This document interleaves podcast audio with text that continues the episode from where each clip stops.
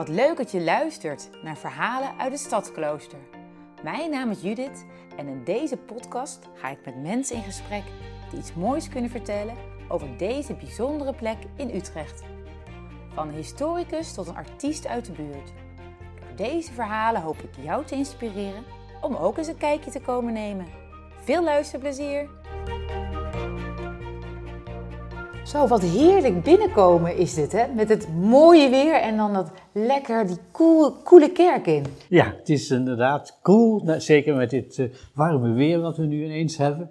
Uh, Echt een oase eigenlijk bijna. Ja, nu is het een oase. Maar als het hartje winter is, dan was het wel koud in de kerk ook hoor. Dus ja. uh, het was heel moeilijk om echt te verwarmen. Ik weet dat ze daar veel zorgen aan hebben gehad altijd. Vroeger? Ja. Gelukkig in andere tijden nu. Dat zijn andere tijden, ja. Inderdaad. En nu in de zomer kunnen we echt gaan lekker genieten van de, de heerlijke ja. koelte. Um, nou, ik zit tegenover de heer Casper Staal. Um, wat is eigenlijk uw relatie uh, met het stadsklooster? Nou, ik uh, ben altijd betrokken geweest bij de Antoniuskerk, toen dat een gewone parochie nog was. En uh, als zodanig heel geïnteresseerd ook in de uh, het gebouw en de decoratie van het gebouw. Mm -hmm. En toen de kerk een eeuw bestond in 2003, hebben we met Armand Heijnen een uh, boekje daarover geschreven. Die ligt Rooms hier op tafel? In, ja, Rooms in Lombok heet dat. Ja. En uh, op die manier ja, ben ik helemaal thuis geraakt eigenlijk in dit kerkgebouw, waar ik overigens dus ook kerkte op zondag. En ja, ik kom min Kind of meer, aan huis eigenlijk. Ja, ik kom min of meer uit deze wijk, van de andere kant van de Vleutense weg, de Hazebroekstraat. Maar uh, wij kerkten hier en uh, dat was een hele prettige parochie. En op die manier ben ik al vanaf 1980 eigenlijk betrokken bij deze parochiegemeenschap. En een heel mooi boek heeft u op uw naam staan, hè? 100 jaar Antoniuskerk Utrecht. Hartstikke mooi. En dat, ja, uit daaruit gaan we eigenlijk ook... Uh, uh, deze podcast uh, uh, doen hè, over ja. het ontstaan van het gebouw in 1902.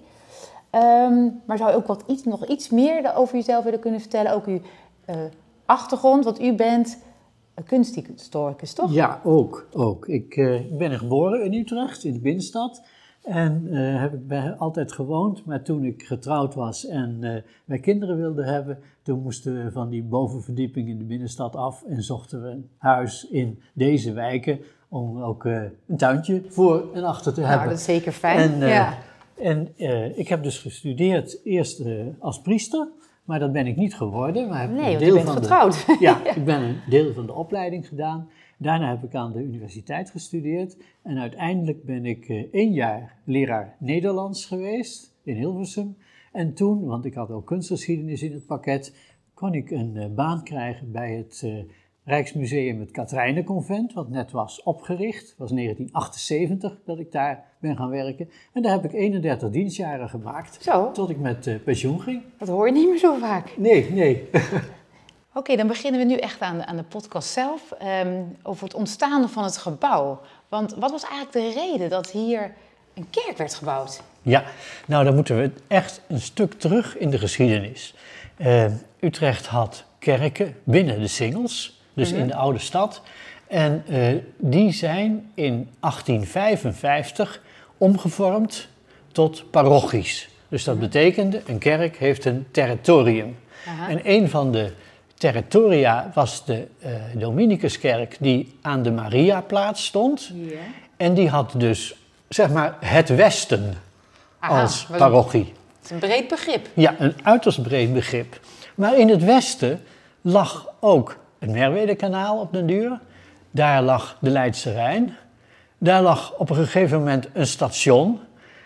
En dat leverde een gigantische nijverheid op. Grote fabrieken langs het water, die makkelijk hun spullen konden aan- en afvoeren. En een hele hoop arbeiders. Dus deze hoek van zeg maar, de stad, mm-hmm. die breidde gigantisch uit, met name met arbeiders. Maar ik noemde net het station al. Ja. Wat gebeurt er? Die mensen zouden in principe naar de Mariaplaats moeten voor de kerk. Ja. Die stonden ja. voortdurend stil voor de spoorbomen, omdat er weer een trein langs kwam. En dan ging die weer open en dan konden ze er even, dus dan ging die weer gauw dicht. Want Dan waren ze allemaal te laat voor de dienst dat waarschijnlijk. werd allemaal, ja, op den duur deden ze dat niet meer. Nee, dat kan me En voorstellen. het tweede was, die arbeiders, die luisterden ook naar wat socialisten zeiden. Ja. En de katholieken moesten niks van socialisten hebben. Ah. De socialisten en later. Dus, dus, dus er moest alles aan gedaan worden uit zielzorgelijke wens van de katholieke kerk om aan de andere kant van de spoorbomen een kerk te krijgen. Aha. En dat is deze geworden. Het is echt een soort kerk, echt voor de buurt, voor de echte arbeiders die hier woonden. Eigenlijk. Ja, voor de mensen die aan deze kant woonden, dat die niet meer naar de binnenstad hoefden om te kerken. Want er was nog geen onderdoorgang eh Nee, bij niks. Alles was met spoorbomen. Het, het spoor was ook niet verhoogd. Was nog laag. Ja. Gewoon op het, op het niveau waar het op af was aangelegd. Wat een mooi verhaal. Ja. Wat een mooie reden. En, en eh, toen werd het eh, eh, eerst ontworpen natuurlijk. Hè? Eh, welke architecten, hebben eigenlijk dit Nou, bijzondere gebouw? Want het is eigenlijk heel anders dan andere kerken. In 1903 is die, is die klaar. Maar in 1897 zijn ze al bezig om hier grond te verwerven. Oh, daar hebben ze slim over nagedacht. Ja, daar slim over nagedacht. En niet zo'n klein stukje, maar een heel groot stuk. Want waar je tegenaan liep bij de katholieken was het processieverbod in de grondwet van, van 1848. Je mocht is? geen processie houden op de openbare weg. Aha. Maar katholieken houden van processies. Dus als je een kerk gaat bouwen, moet je zorgen dat er veel grond bij is. Want dat is een besloten tuin, zeg maar. En dan kun je in die tuin processies houden. Wat bijzonder. Ja. En op die manier is, is hier dus een grote groep, gro- hoeveelheid grond aangeschaft om daar een kerk op te gaan bouwen. En dat gaat dan in 1902 beginnen. Zo, dat hebben ze vooruitziende blik gehad. Ja, dus, eh, de, de- dus in 1897 zegt men, ja, hier moeten we wat aan veranderen. Maar ja, vijf het jaar gebeurt niet. later En vijf jaar later is het dan zover. Ja. Nou, dat kunnen we ons bijna nu niet meer voorstellen dat het zo snel gaat met al die wetgeving en dat soort zaken. Maar dan hebben, stellen ze eigenlijk twee architecten aan, best wel bijzondere Ja, architecten. Ja, Jan Stuit en, eh, en Jos Kuipers die hebben in dat moment een, eh, een maatschap, zeg maar, met z'n tweetjes. En zij ondernemen kerkgebouwen, onder andere, om die te bouwen. En ook nog allerlei andere gebouwen. En ik heb sterk de indruk dat deze kerk vooral eh, door, Jo- door Jo- eh, Jan Stuit is ontworpen, terwijl Jos Kuipers er ook een rol in speelt. En een van de argumenten waarop ik dat baseer is dat Jan Stuit houdt van zo'n blokjesmotief langs torens en Nou, dat langs daken. hier over. Ja. Ja. En hij bekroont, als het enigszins mogelijk was, de hoogste punten van zijn bouwwerk met een stuiter. Een stuiter? Dat is een grote knikker. Ah, en nou, En die zat hier ook op het kruis. dus dat is eigenlijk zijn handtekening. Dat is een soort handtekeningetje, ja. Van de, ja. En, en, en Jos Kuipers, dat is natuurlijk iets bekendere naam, eh, Ja, denk dat ik. is, dat is de zoon van Pierre Kuipers. Kijk. De beroemde Pierre die het Centraal Station in Amsterdam bouwt, het Rijksmuseum in Amsterdam bouwt en een heleboel kerken door het hele land. Ja, maar toch hele andere, eh, hele andere kerk Ja. dan dit. Want dit is toch wel een... Dit is een revolutionaire kerk. Kijk, dat dus is mooi te eh, horen. als je het voor het Utrechtse wilt vergelijken, in 1900 wordt aan de Oude Gracht bij de Twijnstraat de Martinuskerk gebouwd, waar nu die appartementen in zitten. Ik ben even aan het nadenken. Ja? Ja? Ja. In 1901 aan de Draaiweg de Jozefkerk, die nu te koop staat. En in 1903 deze, die op geen enkele wijze meer lijkt op die twee andere. Dus wat hier gebeurt, is dat gewoon voor 100% afstand wordt genomen van de neogotiek als stijl voor een kerk. Want het is nu Italiaanse stijl, toch? Ja, dus het is sterk Italiaans georiënteerd. En eh, dat komt mede omdat Jan Stuit eh, connecties heeft met Alfons Ariens. Die twee kennen elkaar uit Enschede. Als eh Ariens daar kapelaan is en Stuit opzichter bij een van de kerkgebouwen. Ah. En eh Ariens is sociaal bewogen ook. En eh, die, dat is een hechte vriendschap en die leidt tot heel veel nou ja, nieuwe dingen, zou je Want kunnen hij zeggen. was de kapelaan hier. Nee, al- nee, Ariens is kapelaan in Enschede. Ja. Maar dat is een heel verhaal op zich Oh, oké, daar gaan we een Daar andere keer gaan over. Maar de relatie met Alfons Ariens is wel van belang. Want Ariens heeft als priester studerend in Rome kennis gemaakt met de armoede en de ellende op het Italiaanse nou ja, land, zeg maar. En dat zet hem ertoe aan, om als hij uitgestudeerd is en in Enschede wordt benoemd, met de arbeiders van de textielfabrikanten bezig te gaan een, en een vakvereniging op te richten. En een andere figuur die daar een grote rol in speelt is in Limburg meneer Poels, ook een priester. En die gaat met de mijnwerkers in de wijnstreek bezig. En, en hier gingen ze met de arbeiders in Lombok aan de slag. Ja, en eh, Jan Stuit bouwt deze kerk. Maar bijvoorbeeld in eh, Limburg bouwt hij woningen voor arbeiders die in de wijn- mijnen werken. Oh, wat mooi. Dus, Ja. dus eh, daar hebben we hier geen voorbeelden van in Utrecht en deze omgeving. Maar in de wijnstreken zijn hele blokken huizen eh, gebouwd, eenvoudige woningen.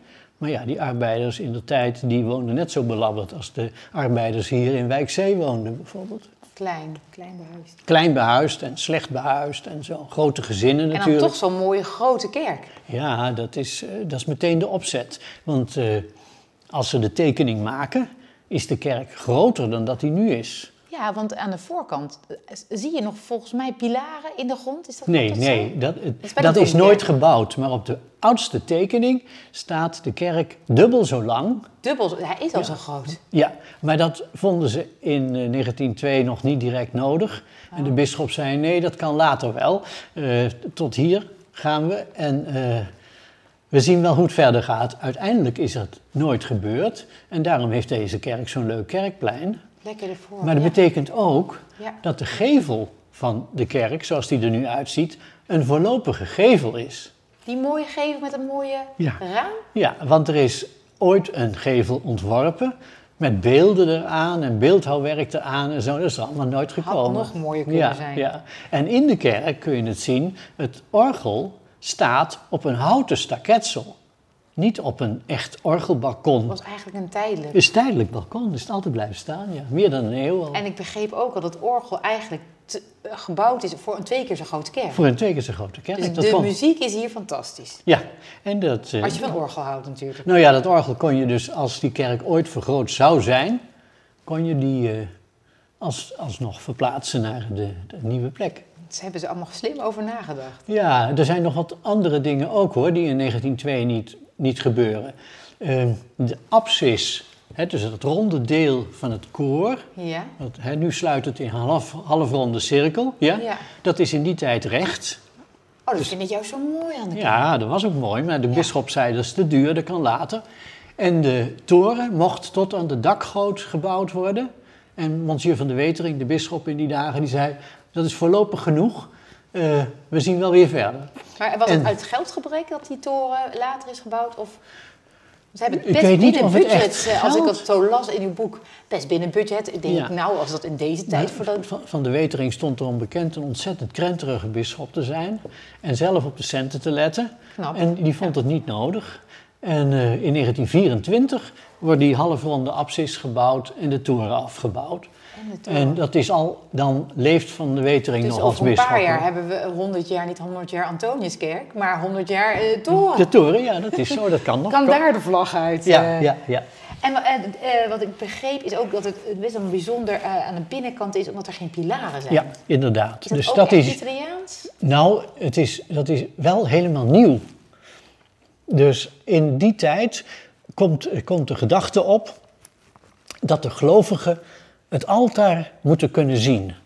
En dan geldt dat voor alle gelovigen die in de kerk zitten. Niet alleen mensen vooraan. Niet alleen de mensen vooraan. En dat, dat je niet heilig wordt door tegen een pilaar aan te zitten bidden. Nou, maar dat Want vind ik wel dat hebben eh, die neogotische kerken allemaal. Ja. Die hebben over het algemeen zes zuilen. Ja, aan iedere kant. Er zit Ja. voor de twaalf apostelen is dat mooi symbolisch.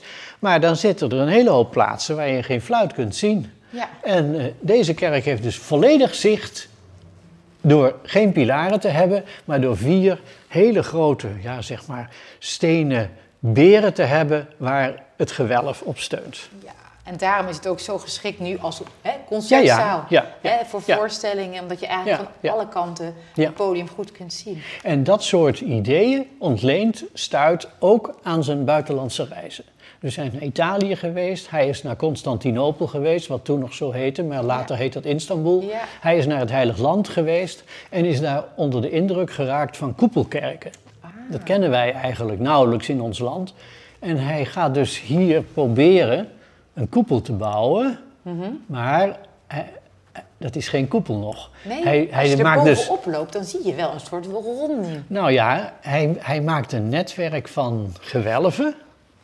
Dus een, een net van gewelven op de manier zoals dat in de late middeleeuwen ook gebeurt. Maar in zijn latere bouwsels, bijvoorbeeld de Obrechtkerk in Amsterdam, de Katrina en de Jacobus allebei in Den Bosch, de Engelbewaarders in Lisse, de Egbertus in Almelo, dat Zo. soort kerken hebben allemaal koepels. U kent ze allemaal uit uw hoofd. Nou ja, ik vind het een interessante architect. Ja, Interessante man. ja Die vergeten is een beetje en die nu weer in de aandacht eh, wordt getrokken. Nou, proberen wij ook een beetje te Ja, doen. ja eh, doen hè, wij ook. Ja, ja. En het wordt ook super snel gebouwd, in 10 maanden. Ja. Is dat, was dat voor die tijd niet ongelooflijk snel? Want ze hadden natuurlijk ook het 100 jaar Nou. geleden niet enorm de ma- materialen die we nu Nee, hebben. maar de, daar weet ik niet het fijne van. Maar arbeidskracht is. Ik weet niet hoeveel honderden mensen hier gelijk aan gewerkt hebben. En dat, Ja. dat kennen wij niet meer met dat Nee. soort aantallen. Nee, dat is natuurlijk een heel ander verhaal. Hè? En, en de overkant zit de Anthony, dat is nu Ja. eh, een hotel. Ehm, en die noemen ze, eh, dat was eigenlijk het echte klooster, toch? Ja, dat is een Eh, klooster, We noemen ja. dit het stadsklooster, maar dat was aan de overkant eigenlijk Ja. het echte klooster. Ja. Was het ook van dezelfde architect? ehm? ja, dat is van dezelfde architect. Dat is eh, ja, ook weer Jan Stuit. En die bouwt dat voor de zusters Franciscanessen uit eh Heidhuizen.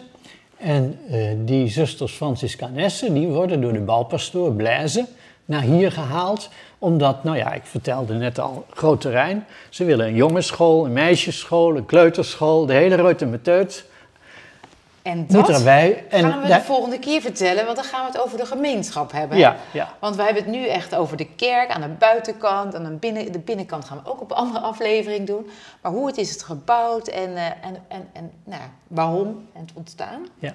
Ehm, dus nou, ik denk een mooie einde van, eh, van deze aflevering. En dan eh, gaan we de volgende aflevering hebben over de gemeenschap van de Antonius. Hoe Ja, uitstekend. Ja, Oké, hartelijk bedankt voor het gesprek. graag gedaan hoor.